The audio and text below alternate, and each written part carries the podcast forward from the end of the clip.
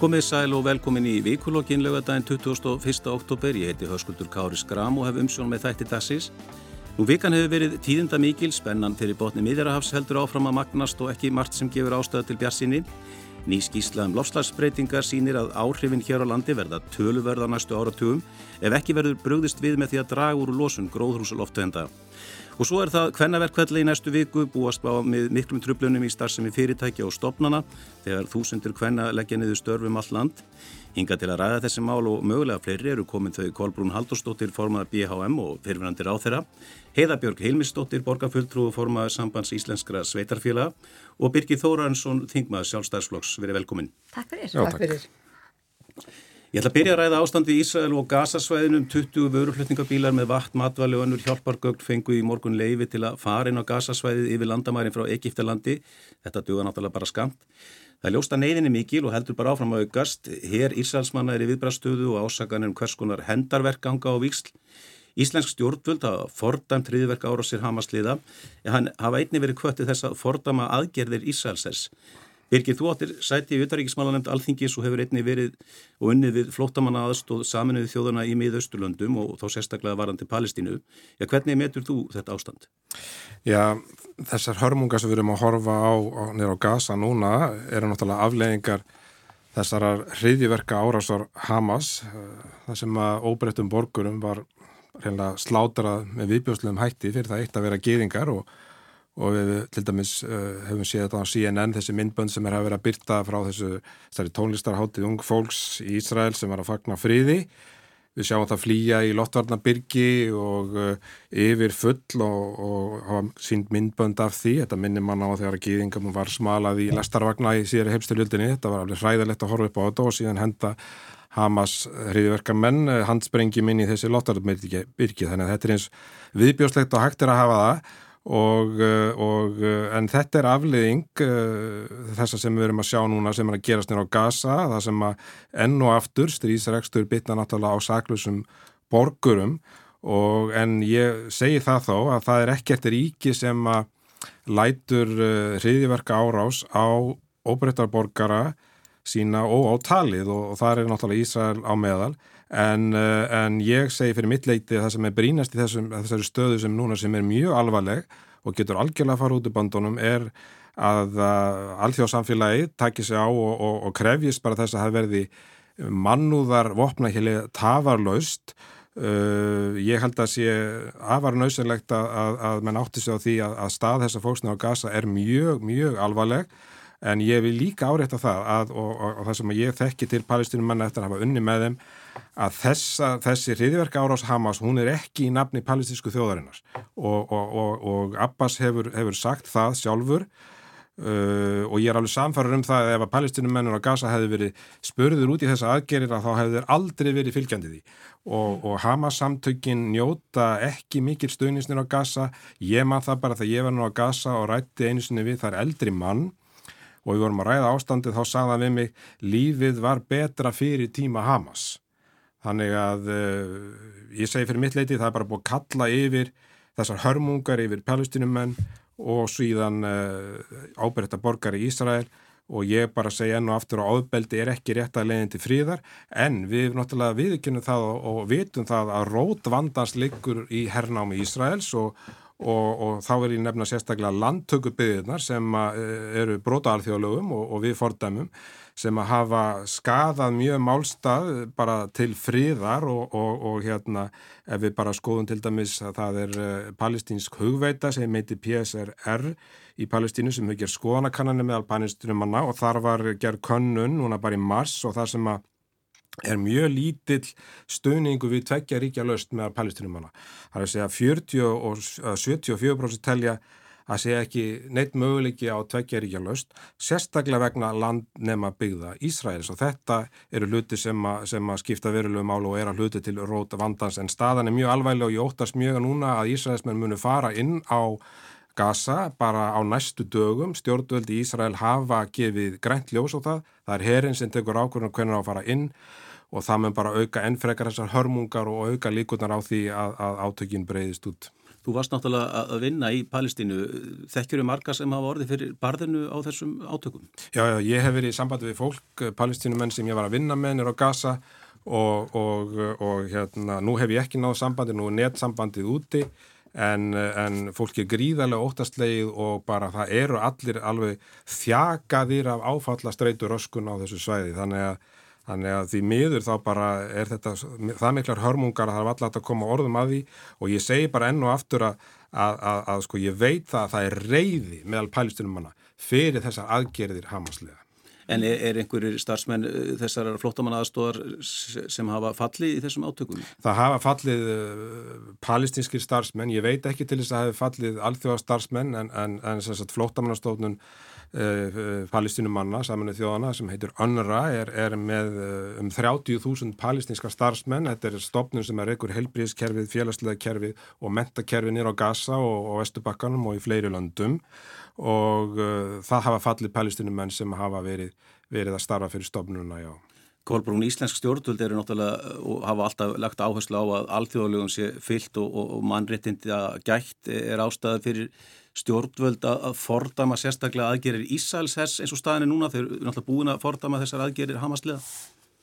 Þau eru búin að fordama þetta og hafa fordamt í, raun og veru þetta hérna, afríki mjög lengi með því að hafa stutt stopnun sjálfstæðsríkis palestinumanna og mér hefur alltaf fundist það hafa verið mjög mikilvæg hérna, stuðnis yfirlýsing við baráttu palestinumanna og við skulum átt okkur að því að fólk sem hefur sko dreyið fram lífið á Gaza áratögun saman hefur búið í fangjalsi Það er búið að vera inni, inni lokað í raun og veru á landsvæði sem það átti að forfeður þeirra áttu einu sinni tilkall til og rétt á að búa á en hefur verið þrengt að þeim enda löst. Þannig að það er búið að sko reyna, ég minn það er ekki rétt að segja á þolrifin og fólki, ég minn það er bara búið að vera að, að þjarma að þessari þjóð ótrúlega lengi.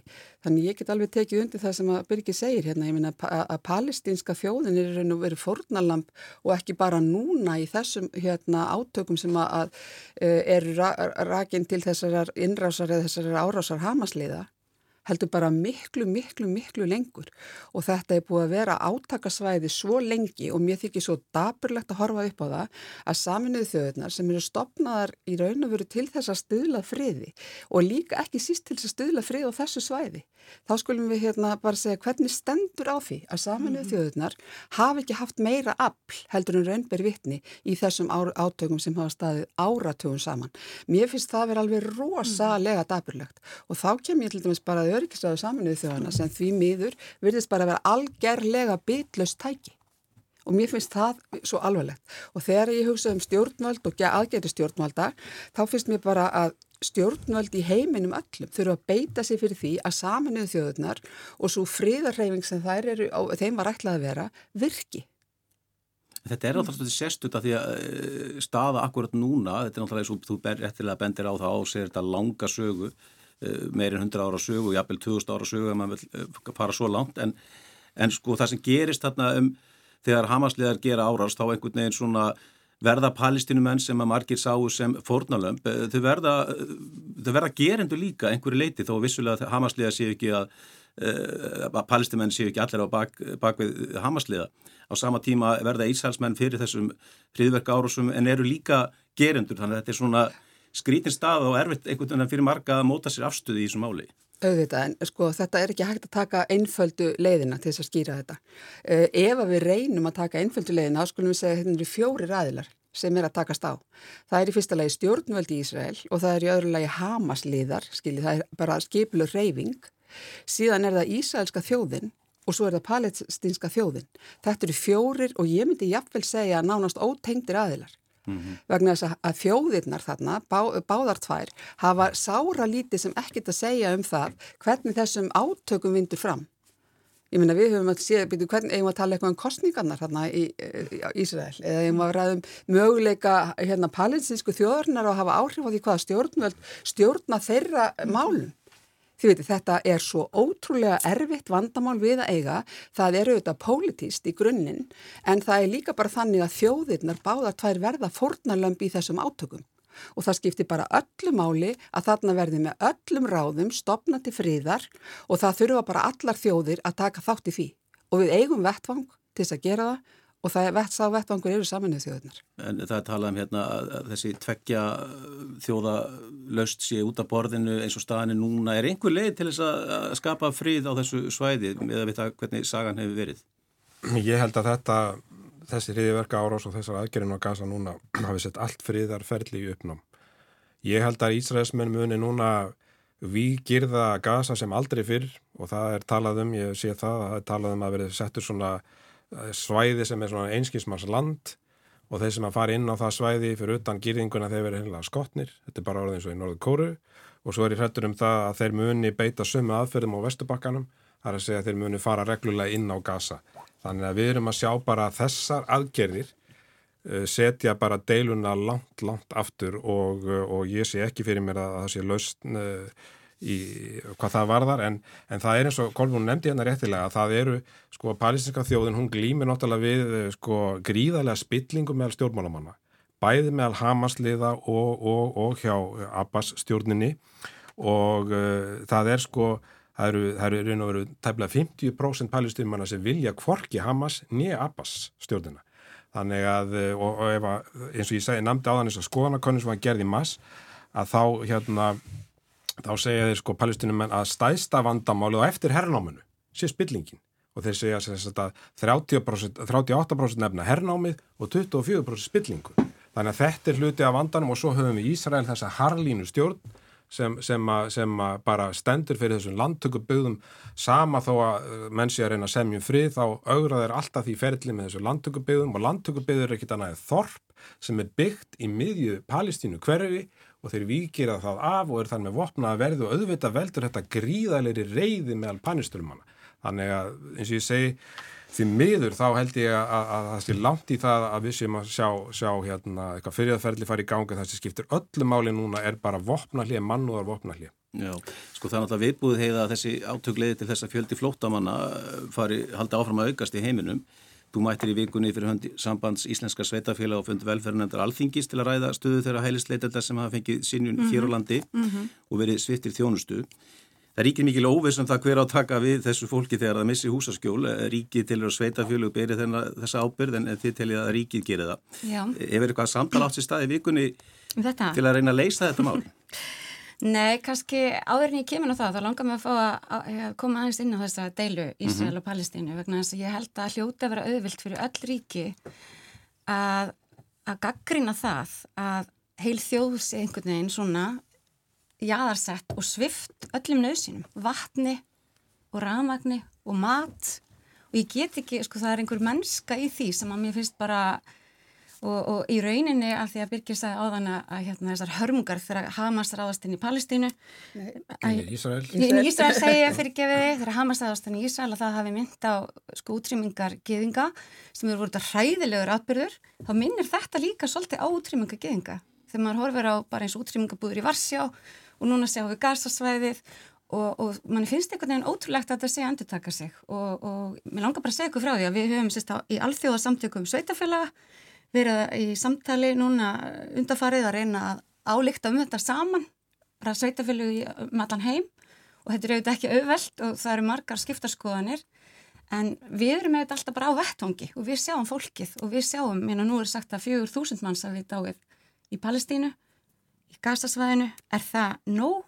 14.000 manns, hversu marga þurfa Ísraelsmenn að skada af óbreyttum borgurum þar til þess að þeim finnist það réttlætanlegt að leifa fólki af aðganga vatni. En það ættu þetta að vera auðvilt fyrir okkur öll sem erum mennsk að einhvern veginn finna til með fólkinu á hana. En hitt er svo annað að Íslenska ríki, það er hérna, hefur tekið að móti útrúlega mörgum núna undarfarið e, eh, flótamönnum sem að sveitafélugin almennt hafa tekið bara mjög öflugan þátt í og, og lagt mikið á mörgum og mörg hver kannski jáfnvel meira en þau hafa haft einnigstæði fyrir og, og hérna og eru svona, ég veit að sumar svona stopnarnir sveitafélagur alveg komnar á þólmörkum þar. En okkur fannst skjóta mjög skökku við þegar, þegar það eru breytingar og útlandingalögum og, og Íslenska ríkja ákveður að, að, að hérna, svifta fólk þjónustu, mm -hmm. framfæslu og húsnaði og mat og aðgengi að, að helsugjæsli og öllu að vísa því fólki síðan til sveitafélag og segja að við um að sjá um þau. Okkur finnst það bara einhvern veginn ekki ganga upp, geti ekki verið í anda þeirra laga eða þeirra, þeirra markmiða sem voru með þessum lögum. Uh, áttum fundi sumar með dómsmálaráður og félagsmálaráður sem dómsmálaráður var algjörlega sammál okkur. Uh, en síðan einhvern veginn hefur þetta haldið áfram og fyrir þessari velferðarnemnd síðast kom það bara í ljós að það er einhver óvisa með hvað, hvað Íslands Ég veit að fagna því að það komi neyðarskili þar sem fólk var inni á nóttunni og, og er allavega tverrmáltíður á dag. En þannig eru við auðvitað að búa til í íslensku samfélagi hóp af fólki sem er framfærsli löst og undir hungurmörkum. Nefna mm -hmm. einhver gefið þeim mat, gefið þeim tampusta, gefið þeim fött. Ég veit að kunningi minn fer og þvær af þeim. Þú veist, þetta er svona, við erum að, og mér veist að við þurfum líka bara sem íslensk þjóð að hugsa, sko, e, fólk fer að betla fólk er, er hérna eins og sem Erla sagði þarna á þessum fundi, hún er búin að vera að keira um og bjóða fólki hérna að koma og gista heima hjá sér. Ég meina þau veit ekkert hvort að hún er góð manniski eða ekki, hún geti alveg verið með mannsals já, já, þetta, er bara, þetta er bara þau, þetta er fólk sem er sett í því líka stöðu í íslensku samfélagi að þau eru algjörlega varnarlaus og þau geta ekki... Það má kannski bæta við þetta sko já. náttúrulega kannski að, að náttúrulega þeir sem eru samstarfsfúsir við stjórnvöld þeir, þeir er ekki á götunni og, og það er þessi 30 daga tími sem að fólk hefur til þess að, og við verðum átt okkur því að hér hafa náttúrulega hælisleitinu fengið neitun á, á, á, á hérna, tveimur stjórnsýslustíðum og svo jafnvel uh, fyrir domstólum. Þannig að uh, þetta snýst svolítið um samstarfsvilja Eh, að, að fólki síni því að skilning að það hafi fengið neitun og hafi 30 dagarlega ekki á landið. En auðvitað koma kannski upp einhver tilvik það sem, að, það sem er erfitt að abla skilríkja og annars líkt og, en, en, en stjórnvöld hafa hort á það í ákvæðum hætti og það er partur að, að samstarfi við stjórnvöld þannig að Þannig að þetta er svona sem að horfi við þegar la, laga frænkvöndin, já, já. Þetta horfir öðruvísi við okkur, við erum auðvitað búið til samfélag og við erum með fólk í samfélagi og sveitafélag bara einfallega veit ekki svona þjónustu til fólks. Það er bara, þetta er fyrir neðan það sem að sveitafélag bara, við, við tölum oft um heimilslist fólk, mm. okkur finnst þau illa stödd og ekki fá nægilega um þjónustu, þau fá öll framfæslu veist, það, það er enginn hér á Íslandi framfærsli laus og, og, hérna, ég, og við óttumst það líka bara að við, við getum lengt í vandræði með að lappa inn í þetta bara út frá jafnræðsreglu að við varum bara að mismuna fólki eftir aðstæðum og hérna Þannig að þarna þurfti bara að koma einhver meiri vel aðbreyting, þessi, þessi reglgerabreitingur á þeirra breytir ekki lögunum. Nei. Það sem mann er verið stabilegt er kannski að sveitafélagin og, og, og ríki skul ekki geta komið sér saman í þessu máli og mér finnst þetta að vera sameigilegir hagsmunir okkar í þessu litla samfélagi. Meina þessi, þessi fámuna þjóð er að taka við gríðalöfum fjölda, það er alveg rétt. Og ég meina þetta þingir þetta er þungt fyrir sveitafélagin að þjónusta þennan hóp en þau vilja gera það en þau hafa ekki fjárráð til þess. Og þau vilja ræða við ríkið um það með hvaða hætti sig að gera þetta í félagi. Og þar finnst manni sko einhvern veginn uh, svona áreikstur verði einhver áreikstur sem maður skilur ekki alveg Ég held að við hljóttum að, að, að hérna, ég meina að því við vorum að tala um deilur Ísraels og mm. Palestínu, skiljiði. Ég meina, eigum við ekki að geta leist svona mál hérna heima hjá okkur. Sjálf hef ég verið með vinnustöðunir í Borgatúni 6 og beintamóti okkur er hérna samhjálp með kaffistofuna sína. Og þú veist, þegar maður horfir í augun á þessu fólki, ég menna ég er að fara þarna, við förum þarna yfir til dæmis með það sem að þegar við erum með aflögu færi mat, förum, förum yfir á kaffestóna, við gáfum uh, þeim, stuttum þau um síðustu jól og svona þannig að þetta er fólk sem er bara á hold og blóði og við sjáum dagstælega uh, fjölskyldur, uh, þið veitu, ungir kallmenn, uh, eldri konur, afar og amurskiliði og við finnum alveg ótrúlega til með þessu fólki. Og ég held, ég bara eiginlega neita að trúa því að stjórnvöld okkar bæðið sem þá samstarfið innan sveitafélagana og, og samstarf sveitafélagana við, við ríkið skul ekki geta list henn úr þessum vandam. Við erum í rauninni ekki að tala um þannan hóp, við erum í rauninni bara að tala um þann hóp sem hefur verið vísað úr þjónusturíkisins Já. og ríkið hefur í rauninni sýft öllum réttindum á Íslandi.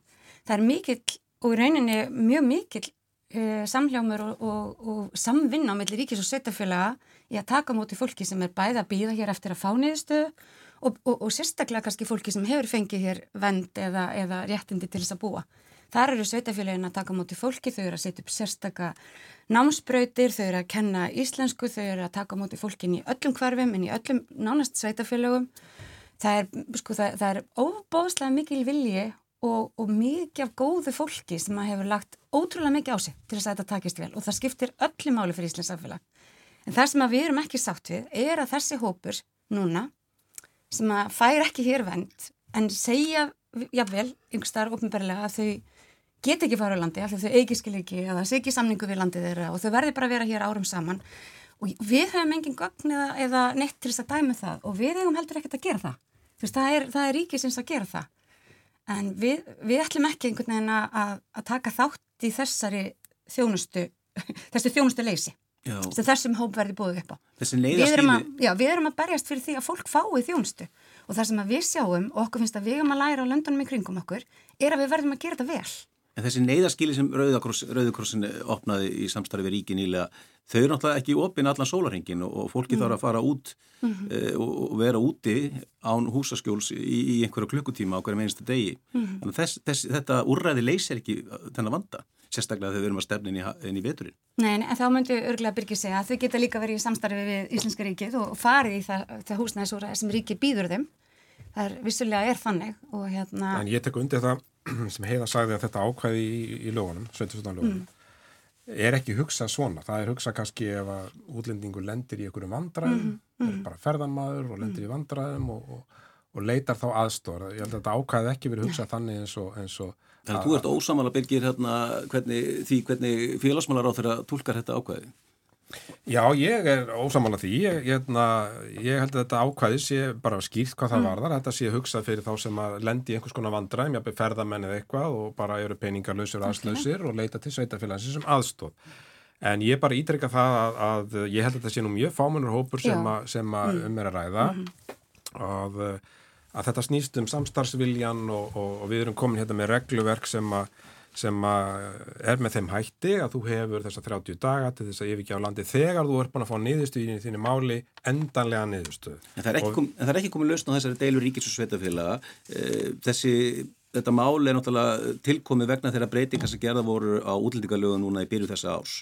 Eh, þetta ákvæði sem við erum að tala um er kannski nöðsverðt að taka þetta ákvæði út tímaböndið á meðan við erum að reyna að finna lausna á þessu máli eða hvað? Nei, ég held það nú ekki, ég held bara auðvitað, ég tek undir með kolbrún auðvitað er bara ríki og sveitafélag að setjast niður og, og reyna að finna einhvern flöta á þessu. Það er komið svona einhver, einhver bráðabera lausn eh, hérna varandi þessi skíli, en ég held þetta séu fári einstaklingar og ég held í mörgum tilfellum að það, það séu aðila sem eru ekki samstarfsfúsir við stjórnvöld En fyrir ykkur sem voru að koma að viðtækjanum þá sýtaði hérna Kolbrún Haldurstóttir formaðar BHM, Birgir Þóransson, Þingmaður Sjálfstæðsflokks og Heiðabjörg Hilmistóttir, borgarfulltrú og formaðar sambands íslenska sveitafélaga. Ég ætla að skipta um umræðöfni. Í vikunum var kynnt fjórða samantæktaskísla vísindanendar um lofslagsbreytingar og að það segja að það sé dreifir dökksviðsmynd í þessari skíslu um áhrif þessara breytinga hér á landi. Það talaði um að við þurfum að umbylta okkar lífsáttum sem fyrst og draga verulega úr losun gróðrúsalofteganda svona til að koma í veg fyrir að þessu, þessar vestu sviðsmyndir raungerist. Kolbrún, þú ert eh, náttúrulega já, með mikinn áhuga á þessu málaflokki og fyriröndu umhverfisáður og svo frammeðis. Er, er ástandið jafn slæmt og, það kemur fram í þessari skýslu? Ég hef enga ástæði til ætla annað en að sé það. Ég held að, að þetta er hinn besta manna, þetta er að bestu manna því. Það sem að kannski uh, mjög óþægilegt og, og, og hryggir mig alltaf er að við erum búin að vita þetta svo lengi að þetta sé í vændum þetta ástand. Sjálf var ég þáttakandi í eh, lofslagsrastafnum saminu þjóðuna 2002 sem hefur þá sannlega verið sérst Ríó pluss 10 það sem að hérna Ríó sáttmálinn hafi verið undirritaður eh, 92 þá líklega og þar var búið að draga upp svona sviðsmyndir af því sem við í vændum væri varðandi hlínunina við miðbaug, mm. El Niño ástandið, eh, hvernig veðrakerfin myndu að líkindum þróast, hvernig súrnun hafsins myndi þróast, hvernig draga myndu lífræðilegum fjölbreytileika. Þetta við erum að tala um 2002. Það voru bara allar þessar sviðsmyndir frá uh, vísinda nefnd samnið þjóðana komnar bara upp á borð og öll stjórnvöld uh, sem að koma að, koma að þessum málum gáttu kynnt sér þetta allt saman og sáu þetta allt saman. Þannig að í mínum huga höfum við farið einhvern veginn í þessa vegferð algjörlega með galopin augun og þess vegna á ekkert af því sem er að koma fram í okkar, hjá okkar vísindanemnd að koma okkur óvart. En frá 2002 hefur ekkert gest í heiminum sem, að, sem að við getum sagt að hafi ja, einhvern veginn spórnað við þessari þróun? Það sem hefur gerst er auðvitað umræðanum þetta hefur aukist og trú fólks á því að vísindin sé að sína okkur réttar nýðustöður hefur líka aukist og þegar ég segi trú þá er þetta svo merkilegt að þetta skulle í raunveru þurfa að snúast um það hverju þú trúir og oft er það bara þannig með, mann, með fólk, mannfólki að það trúir því ekki fyrir það reynir það á eigin skinni og það er nákvæmlega það sem er að gerast núna. Nú er fólk að reyna lofslagsbreytingarnir á eigin skinni, við sjáum skriðuföll, við sjáum flóð, við sjáum öfgar í veðufari, ég minna bara hvar, hvar, hvernig er veðri í Danmörku núna? Viti, það eru, eðan í Nóri um daginn þegar að hérna, ár flóðu við bakka sína og, og, og, og byggingar hrundu í skriðum skilju og hvað gerist því á okkur fyrir austan í fyrra skiljiði. Mm -hmm. Þannig að núna erum við bara að upplifa þetta á eiginskinni og þá rýður á að við förum í aðgerðir sem að sko eins hratt og hægt er geta snúist um þetta eitt að draga úr losun og það sem mér hefur fundist við lenda svolítið í er að fara um of inn á spór sem heitir mótvæðisaðgerðir. Hvernig getum við, þú veist, aukið ja, bindingu og svona ykkur að fara í ykkur svona lofslags aðgerðir, skiljiði. Það þarf þetta að gera það líka en þar finnst mér við til dæmis hér heima á Íslandi lenda svolítið í uh, á, á villi gödum. Við erum svona fólk sem að fer gerðnan á verktíð og setur svona undir sig hausin og, og bara, bara ræðst í verkin með bara, þú veist, bara brettur í benmar og tekur bara upp haka á skoblu og, og fer bara að rekta skó. En þannig, e, þú veist, það eru ekki lofslags aðgerðir sem virka. Þú veist, þegar við förum af offorsi í e, svona aðgerðir, þá erum við kannski að valda jável meiri skada heldur en sko því að laga ástandið. En núna erum við að fara í gegnum þessi orku skipti og ég held að markmiði sé mm -hmm. hvað 2030-35, ég man ekki alveg ártalið en, en þau hljóta náttúrulega að vera þá skrifir rétt að áttið það ekki? Vissulega og auðvitað er stefnumótun uh, til alls fyrst. Við þurfum að setja ykkur markmið og við þurfum að marka leiðirnar nákvæmlega hvernig ætlum að fara að því að gera þetta og hitt. Og það er kannski þar sem ég held að við þurfum aðeins brýningu, við þurfum að hlusta á vísindamennina.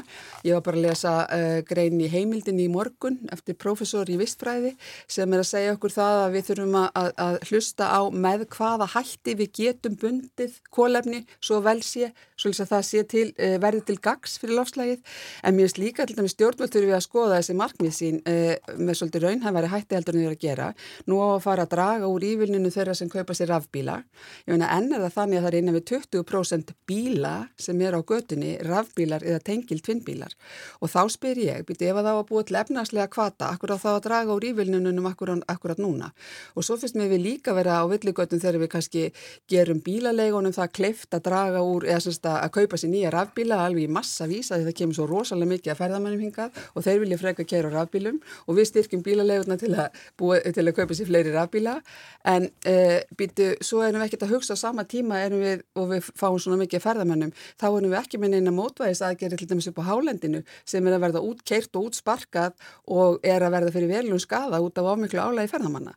Og við erum að fá hérna einn fljótandi hótelin í hafnir uh, allt í kringu landið og við erum ekki að gera eins og normenn að krefja þá um að greiða mengunaskatt, þessi stóru skip sem að menga og ef við ætlum að búa til svona uh, tækifæð til þess að setja, til þess að þau geti gengið fyrir ramagn í höfnunum, þá er gerð krafið það að, að sjó, ofinbyrði sjóði styrki þau tæki þá innviði.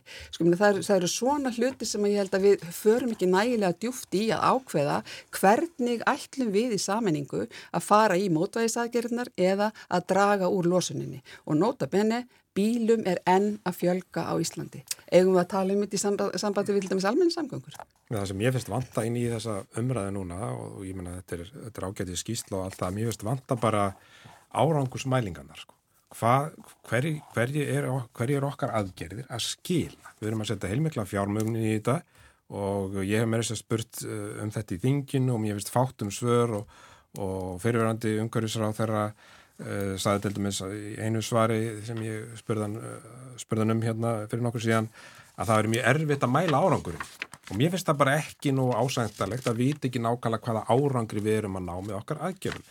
Og svo þegar kemur orku skiptunum að uh, þá er þau sjálfsögðu mjög mikilvæg og við erum eiginlega öll sammálu um það að, að auka rafbílaflotan og, og allt það.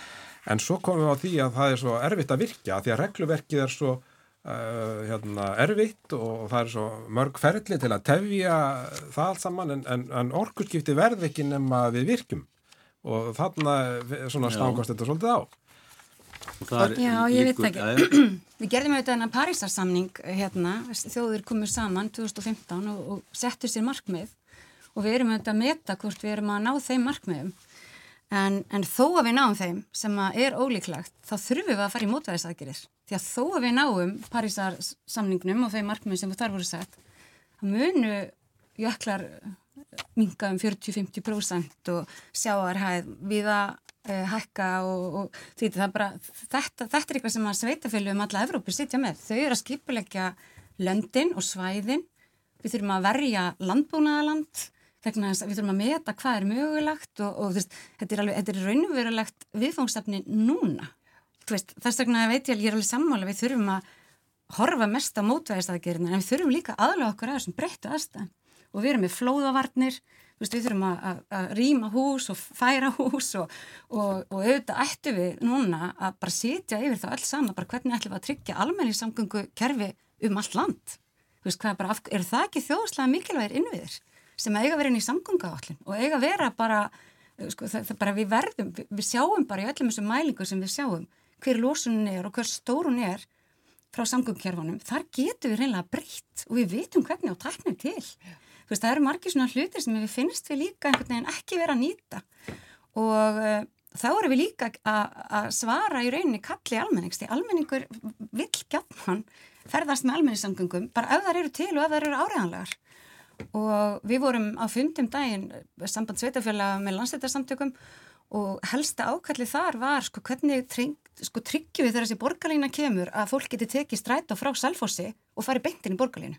Mm -hmm. beint frá keppleik og inn í borgarlínu. Þetta eru bara hagsmunir. Getur bara sest upp í, stræt og í, í borgarnissi og fara í vinnuna í borgartónunu ánveg að endilega þú veist þurfa að velta mikið fyrir. Svona eigum við að vinna þetta og þarna getur við náð bara strax stórum skrefum svo þurfum við að horfa bara á visskerfið okkar og áhrifin og, og við erum þetta bara að fara ótrúlega illa með landi okkar sem við einhvern veginn hérna, erðum og, og erum alveg upp sem erum fætt hérna á síðustu öll við alls konar söngu og, og maður bara hugsta sko lífræðilega fjölbreytileika. Þetta eru hluti sem við sýtum með og við sjáum að við erum að, að tegundum er að fækka og við, við finnst sko það er alveg mælanlegt. Við sjáum að, að, að hvernig okkur tekst til og, og við, mér finnst sko Ísland er ekki að ná Parísar markmiðanum eins og horfir núna það er bara þannig og það finnst mér líka ef maður reynir að tala inn í hjörtu þeirra sem hugsa um meira kannski um peninga og, og árangur og ásýnd samfélags. Það er bara mikil orðspórs á þetta fyrir Ísland og þetta er bara samgefnisefni landa og ég er ekki vissum að börnin okkar vilja búa í löndum sem eru ekki að standa sig þetta. En, en Birgir kemur inn á annan hlut sem hefur enda verið talað um áður, það er það að til þess að við náum þessum orkusskiptum þá þurfum við vantarlega að framlega meiri raforku og til þess að framlega meiri raforku þá þurfum við vantarlega að ja, byggja einhvers konar stíplur eða eitthvað álíka. Aðra kára nukavirkjun svo dæmis er tekið? Nei, nei, við getum til dæmis bara hægt að selja orku til eins álvers Þið veitir, það eru margir þess að segja það, þetta er ekki einfalt og það að hlaupa í skindilösnirnar sem er bara meira af því sama, meiri virkjanir, meiri framleiðsla á ráarku, það er ekki endilega hérna lösnin. Eigum við bara að byrja á því að hætta að selja orku til bitcoin grafara? Hver í heiminum græður á því? Ekki þjóðir heims, það er ekki þannig. Þannig að við skulum bara byrja á því að forgánsraða í þeirri orkusölu sem við erum með í dag. Ég heldur reyndar að hún dugi, það dugi ekki til. Það, það, það, er, góð, það er mjög góð byrjun. Já, já, það já, er sammálið. Svo leggjum við niður eitt álver og svona. Ég menna við skulum líka fara að skoða bara hver, hverju hafa álverin verið að skila okkur til dæmis bara fjárháslega, ef við horfum bara á fjárháslegu stóðina. Minna, þau hafa verið að taka gríðarlega lán bara við uppbyggingu og fjárfestingu eh, hjá, hjá móður fyrirtækjunum sínum einhver staðar út í heimi. Og svo þurfa, eh, þegar arðurinn fyrir að verða að framleyslunni hér og nota bene, þessi orkuverð hafa verið að fá hagstætt orkuverð, þessi hérna álverð seg og uh, þá fer semst arðurinn í að greiða lánin til móðufélagsins, ekki til þess að byggja upp Íslands samfélag.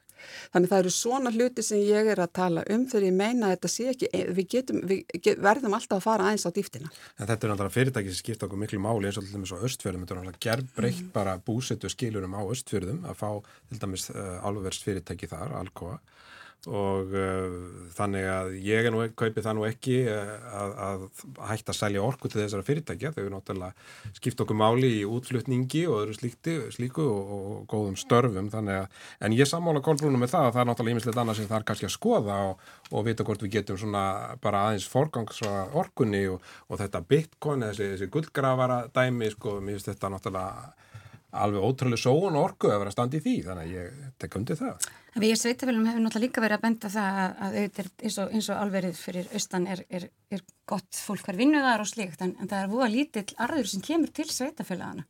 Sveitafélagin í rauninni bara sitja uppi með það að það koma bara einhverja rísastórar virkjanir eða rísastórar vestmjör og, og, og þau fá í rauninni óskaplega lillar tekjur og lítið fér til þess að byggja upp það innviði sem oft þarf til þess að geta fjölga starfsfólki á svæðinu, til þess að geta viðhaldi vegum og, og byggt nýja skóla og leikskóla og félagseimili og sundlaug og íþróttamannvirki og allt það sem við erum að gera sem að gerir lífi gott og skemmtilegt. Já, og, og við hefum verið að leggja það núna fram að ef að, ef að ríkið sem að tala núna mikið um það að við viljum auka orku og búti fleiri virkjanir og annars líkt að það sé aðlulagt að bæði dreifikerfið og það sem að e, or, já, það sem að orkun er aflað að sveitafélagin þar í kring fái hluta af arseminni til þess að geta byggt upp þá samfélag og fari í mótvæðsakirðir á staðunum þar sem þetta er. Ja, þessi fyrirtæki hafa nú verið, já, þau, en þau hafa nú verið samfélagslega hérna, jákvæð og, og gett góða hluti fyrir samfélagin á staðunum.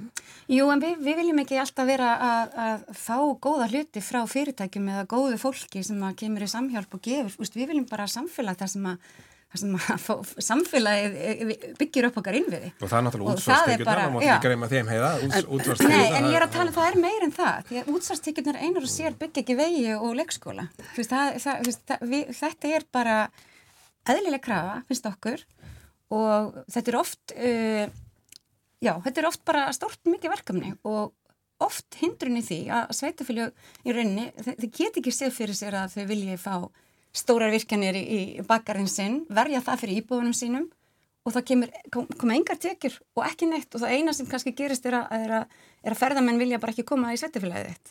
Við sko, viljum bara einhvern veginn tryggja öryggi allra. Við viljum tryggja öryggi um ramag þar að vera allstaðar, við viljum geta byggt upp aðtunlið á vestfjörðum, við, við þurfum að forgása orkunni og við þurfum líka að dreifa eh, já, rendunni aðeins betur um landið og með sangjarnari hætti sko þetta, mér finnst þessi, þetta samtala okkar núna, minnir mig bara, ég, ég fer aftur í tíman frá því þegar ég var á þingi og nota benni ég hætti á þingi 2009, þá var einmitt umræðan nákvæmlega þessi sem Birgir kemur upp í já, en þetta mun skila störfum, þetta mun er ágætlega launustörf og allt þetta. Og þá sagði ég já, en það er hægt að gera það með annars konar atvinnu uppbyggingu og ég var krafinum, minn munið eftir þessu, hvað er þetta annað sem að Kolbrún vil, skiljiði? Og ég minna núna er ég formaði fyrir BHM sem eru 28 uh, stjættarfélu háskólamentaðs fólks. Þar inni eru sérfræðingar sem er að berjast fyrir sínum til dæmis bara atvinnugrundvelli og ég sé aftur, þegar ég fer í, í, svona aftur í tíma, þá sé ég bara að það, við eigum svo mikið af ótrúlega velmentuð fólki. Við höfum lagt sko okkur í líma við að byggja hér upp gott háskólakerfi. Uh, við erum með mjög mentaða sérfræðinga á mjög mörgum sviðum en uh, mér finnst við stundum í pólitíkinni skirrast við að hlusta á þetta fagfólk fólk sem hefur gríðarlega hérna, uh, mikið af öflugum hugmyndum sem eru hérna, uh, til gæfu fyrir samfélag, uh, eru stundum svolítið flóknar í samtalinu, ég, ég viðkenni það, stundum þegar fólk er með mikla mentun og hefur svona einhverjar mjög detaljeraðar skoðanir á hlutunum og vil fara svona í einhverjar svona fínlega umræðum þetta, þá bara brestur okkur einhvern veginn örendið og við viljum bara tala um svart og hvitt. Þetta er, þetta er vandi á ofnbæri umræðu, kannski annar staðar, en ég minna allavega mjög ábyrnandi vandi hér. En þetta snertir líka það sko sem kemur fram í þessari skýslu að við þurfum að umbylta okkar lífsáttum mm. til þess að, að koma í veg fyrir að þessar dekstu sviðsmyndir rætist. Mm -hmm. Sko þegar á að fara umbylta lífsáttum almennings þá náttúrulega get, kostar það heilmikinn pening og störf og, og annað og það getur verið mjög sásökabult mm. ef á að gera þetta á skömmum tíma. Er það reynilega gerlegt spyr ég? Mér finnst þetta að vera svolítið stólt til orða tekið að, að minna, í, í hverju felur þetta sér? Uh, en uh, enn og aftur finnst mér bara mér finnst skorta í þessari umræðu að þessar lotlasumræðu það er árangus mælingarnar Uh, hefur það einhver áhrif á hlínun jarðar ef að við náum að uppfylla öll, ok, allar okkar kröfur eftir uh, fimm ár? Hefur það einhver áhrif? En við erum hins vegar að sjá þess að auðgæði veðurfæri og allt það, ég tek algjörlega undir það. Þannig að, uh, jú, við höfum hérna að færa vísindamenn og ég, ég sammála því að það er mjög mikilvægt að, að, að raukstiðja þeirra málflutning vel og, og ég held að sé svona komin ákveðin svona viðfórsbreyting, ég tek undir það sem hefur verið sagt en, en þetta hefur mér alltaf fundið skorta í þessari umræðu. Hvaða árangri eru að ná með okkar aðgerð? Já, ég held sko við höfum ekki valjum að umbylta okkar lífsáttum, það er bara, við erum umbyld, lífsættir okkar er að fara að umbyltast, við erum með gerfigrændina sem er að fara að taka við alls konar störf sem við erum að gera þú veist, við horfum fram á það að náttúran er bara farin að vinna, hún er farin að hefna sín á okkur, hvernig við höfum komið fram við jörðina. Og, og hérna, ég held að bara þetta er mikið, við, við, og ef við tryggjum ekki þessi réttlátu umskipti og reynum að gera þetta vel, þannig að, þannig að við skiljum ekki eftir jáðarsetta hópa, þannig að allir geti einhvern veginn verið með í þessari umbyltingu okkar lifnaðarháttum, þá held ég að við séum að fara að sjá fleiri stríð, meiri öfgahegju, minna líðræði, eh, meiri spillingu Þannig ég held að við þurfum að taka þetta svolítið alvarlega og ég held að það sé algjörlega sko líkil atrið fyrir okkur núna að átt okkur á. Við verðum að breyta okkar lífnarættum hvernig gerum við á réttlátanhátt. Þannig að þetta snýst raunverulega um það að já, við getum ekki komið í veg fyrir það að óveðrið komi og gangi við landi heldur hvernig við undirbúum okkur fyrir það. Já, í rauninni og bara ef við ætlum að halda áfram að minga og halda áfram að auka útblástur, gróðrúsulofteganda og halda áfram, það verður bara veðri verra og verra og einhver sagt um mann, hérna, einhverju badnabók sem ég var að lesa fyrir, hann kannski ekki alveg að segja hvernig bækum maður að lesa fyrir börnin sín, en það var eitthvað sko, ef að mannfólki fyrir ekki að breyta lifnaðarháttur sín þá hristir jörðin mannfólki af sér en, en jörðin mun lifa og, svo, og, er náttúrulega örgulega orðtræðar sem hún hefur fengið, en ég held þetta sé samt alveg satt. En svo skiptir svo eitthvað lítið í, í stóra samhengi hvað við Íslandingar gerum þegar það eru ríki á borfið Kína, Brasilíu og, og Indland sem eru ekkit að fara eftir neinum svona okkur hættir ofsalega oft til að fara fyrir ekki þau þarna ákvörunum já, okkur hættir til að flagga þessu flaggi. Og mér finnst þetta mjög hættulegt vegna þess að þetta er sameigilega ábyrð mannkins og það er alveg sama hversu smá við erum ef að við ætlum að fara að hlaupast undan ábyrðinni, við sem erum mentu þjóð, við sem erum rík þjóð, mm. hvaða, hvernig orðspór fáum við á okkur fyrir það? En hvernig getum við knúið eigum... fram breytingar í þessum ríkjum, þessum fjó, stóru fjölmennur ríkjum, því þar skiptir, ég er ekki að segja að það er íslendinga þurfum við ekki að gera neitt, heldur frekar við þurfum líka að gera okkar og, og fá aðra til að gera sig. Já, við erum að gera það með alþjóðasamningunum, ég minna við erum með sko nattræna stóra mm. samninga eins og samninginu mm. lífræðilega fjálbriðleika, mm. lofslagssamningurinn, eðimerkursamningurinn, þetta eru þrý samningar sem vinna rosalega mikið saman og þeir byggja allir á vísindilegum upplýsingum og þeir eru saminuð þjóðasamningar, þannig að þar eru að tæplega 200 ríki búin að hérna, skuldbinda sig og við skulum bara standa við okkar skuldmyndinga hvað þetta varðar og mér finnst bara skipta miklu máli þegar að sko að því að Birgir talar um að við þurfum að fá að vita hvort að það voruð árangur af þeim aðgjörðum sem við þó höfum farið í það er alveg eh, valið sjónami, það er alveg eitt af því sem við þurfum að gera en e, við þurfum líka að nota svolítið bara heilbriða skynsemi. Það getur ekki verið að þessi farsælti framtíðar í ljósi þess sem við höfum undirritað að fjölga hér endalust e, ökutækjum. Það getur ekki verið. Það, það fer ekki heim og saman með uh, þeim skuldbundingum sem við höfum tekið á okkur. Ég tek undir það að við maður náttúrulega standa við alþjóða samninga. en við höfum líka haldað því á lofti að við höfum staðið okkur mjög vel. Tökum bara sem dæmi hýtaveitu væðingu landsmanna.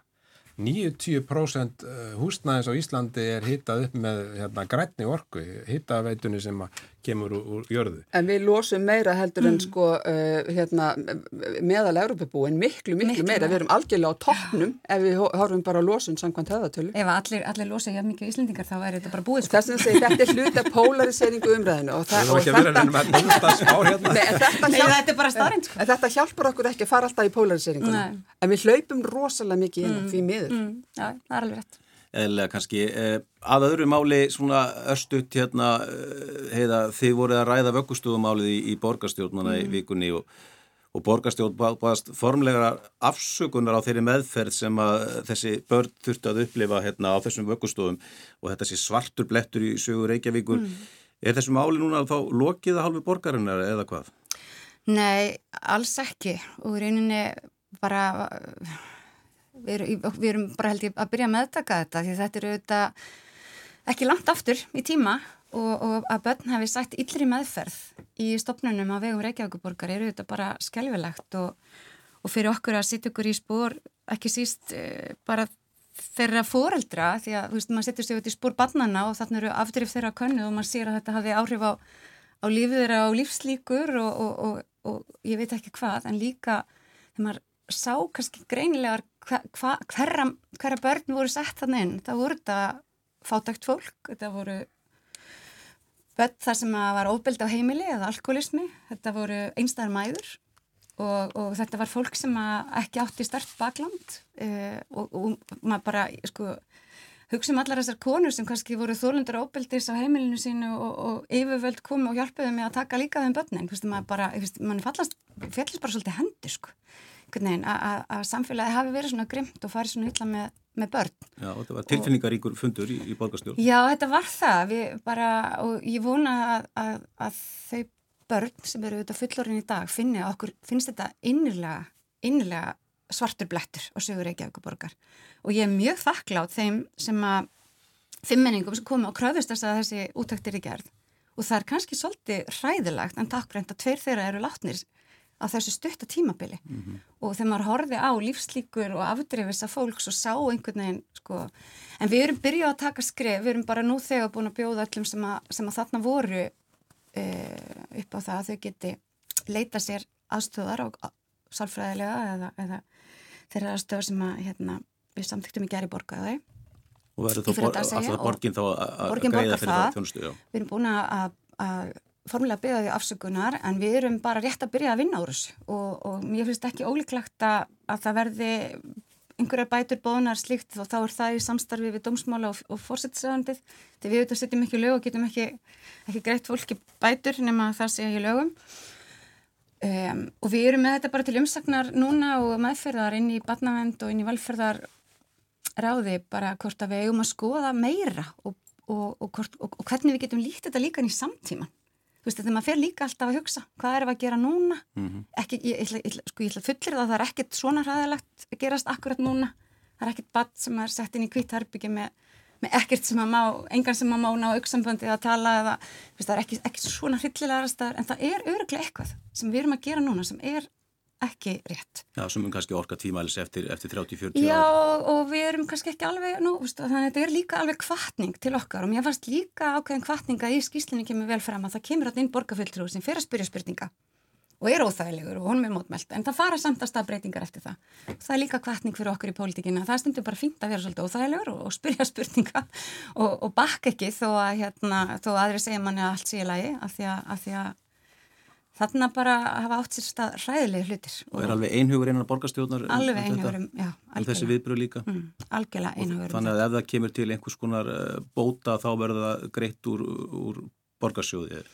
Nú á bara það eftir og það er í rauninni bara hjá fórsettisráð þeirra held ég fyrst og fremst núna sem að ég veit að líka að, að hérna er saman okkur, finnum til með þeim börnum sem þarna voru og þeim, því fullorna fólki sem að er, já vil anþá bara takast á þau sár sem að þarna voru, voru sköpuð. Ég, það vartur að koma ljós en mér finnst mjög líklegt að það veri nýðustan að þeim verði um, já, það verði, þeim eru greitir einhverja bætur. Og það kemur eflust til ykkar á, á þing að, að finna út úr því með hvað hætti það verður. En, en, en þetta eru nokkur skref sem það er að taka. Já. En svona að öðru á, á þriði dagi næstu viku þá er búið að búið að kvenna verkvall sem mun vantilega hafa vítak áhrif hérna á starfsemi fyrirtæki og stopnana Þetta eru hátt í 40 samtök, hvenna hins einn fólks og launafólks sem koma að skipulagningu þessa verkvalls þar á meðal bandala háskólamanna, Kolbrún. Eh, ja, Hversin eru þið að hvetja konur eh, til að leggja niður störf? Það, því miður þá erum við af því vegna þess að jafnrétti hefur enn ekki verið náð. Kalliði þetta jafnrétti er hérna yfirskriftin, kalliði þetta þetta jafnrétti. Við bara vitum þá sjáum á öllum tölum að það er enn þó nokkuð í land. Uh, Við sjáum að, um, við getum bara að tala um mentaðar konur sem að koma út úr háskólanámi. Uh, við getum uh, séð það á tölum hjá okkur í BHM að þær eru gætnan launasettar í, segjum bara konur í heilbríðskerfinu sem eru með háskólamentuna baki. Þær eru launasettar í lægri launaflokka í, í byrjun starfsaldusins eða starfsæfinar heldur en til dæmis kallmenn sem hafa mentað sig í öðrum geirum segjum bara í lögfræðinni eða, eða veiskiptafræðinni eða einhvers þar í skrifstofu eða þjónustustörfum öðrum.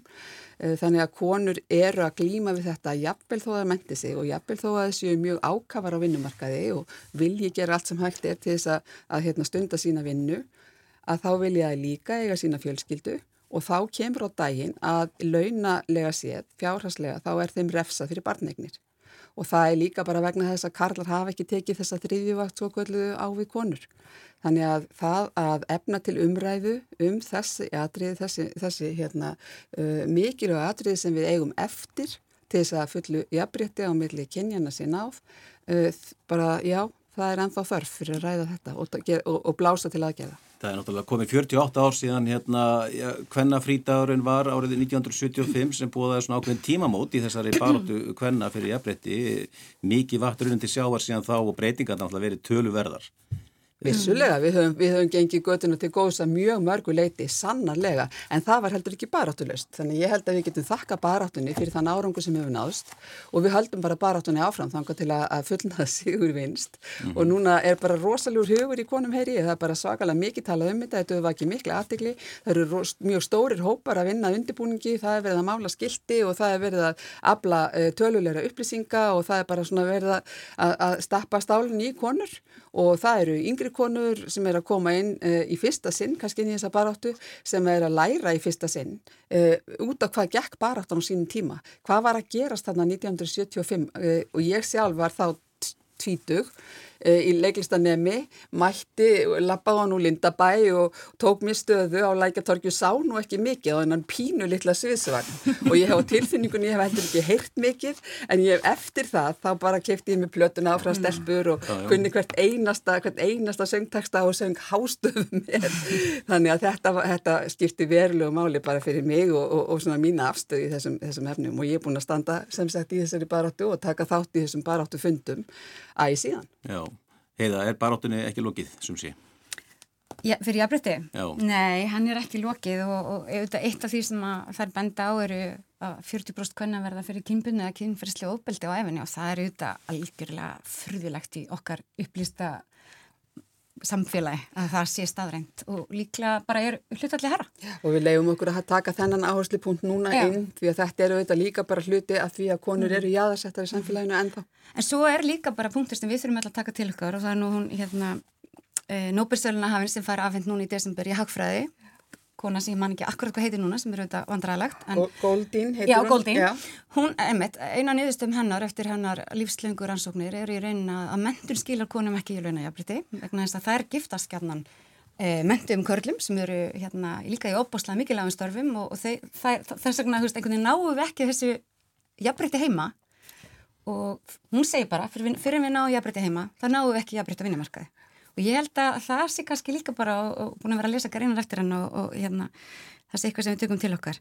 Svo finn ég alveg, við, við áttum fyndi ekki að er setjastjórar og það er alveg hérna, skipta skoðanir um, um ágætti þessa verkfalls svo ég hérna sé nú uh, meðal eina sveitastofnuna já, já, já, já og við þetta, hérna, og það komir að mörguliti bara mjög mikið ávart sko. Já. þannig að ég, já, það verður fyrir að segja þennan dag og Og mörguleiti held ég að kannski bara þessi umræða um hvort hann er rétt á sér, hvort hann sé rétt framkvæmdur, hvort að, hvort að þið hefðu átt að gera þetta öðru í sig eða hvort þið hefðu átt að hlusta meira á samfélagi eftir hvernig eh, konur mættum ótmæla.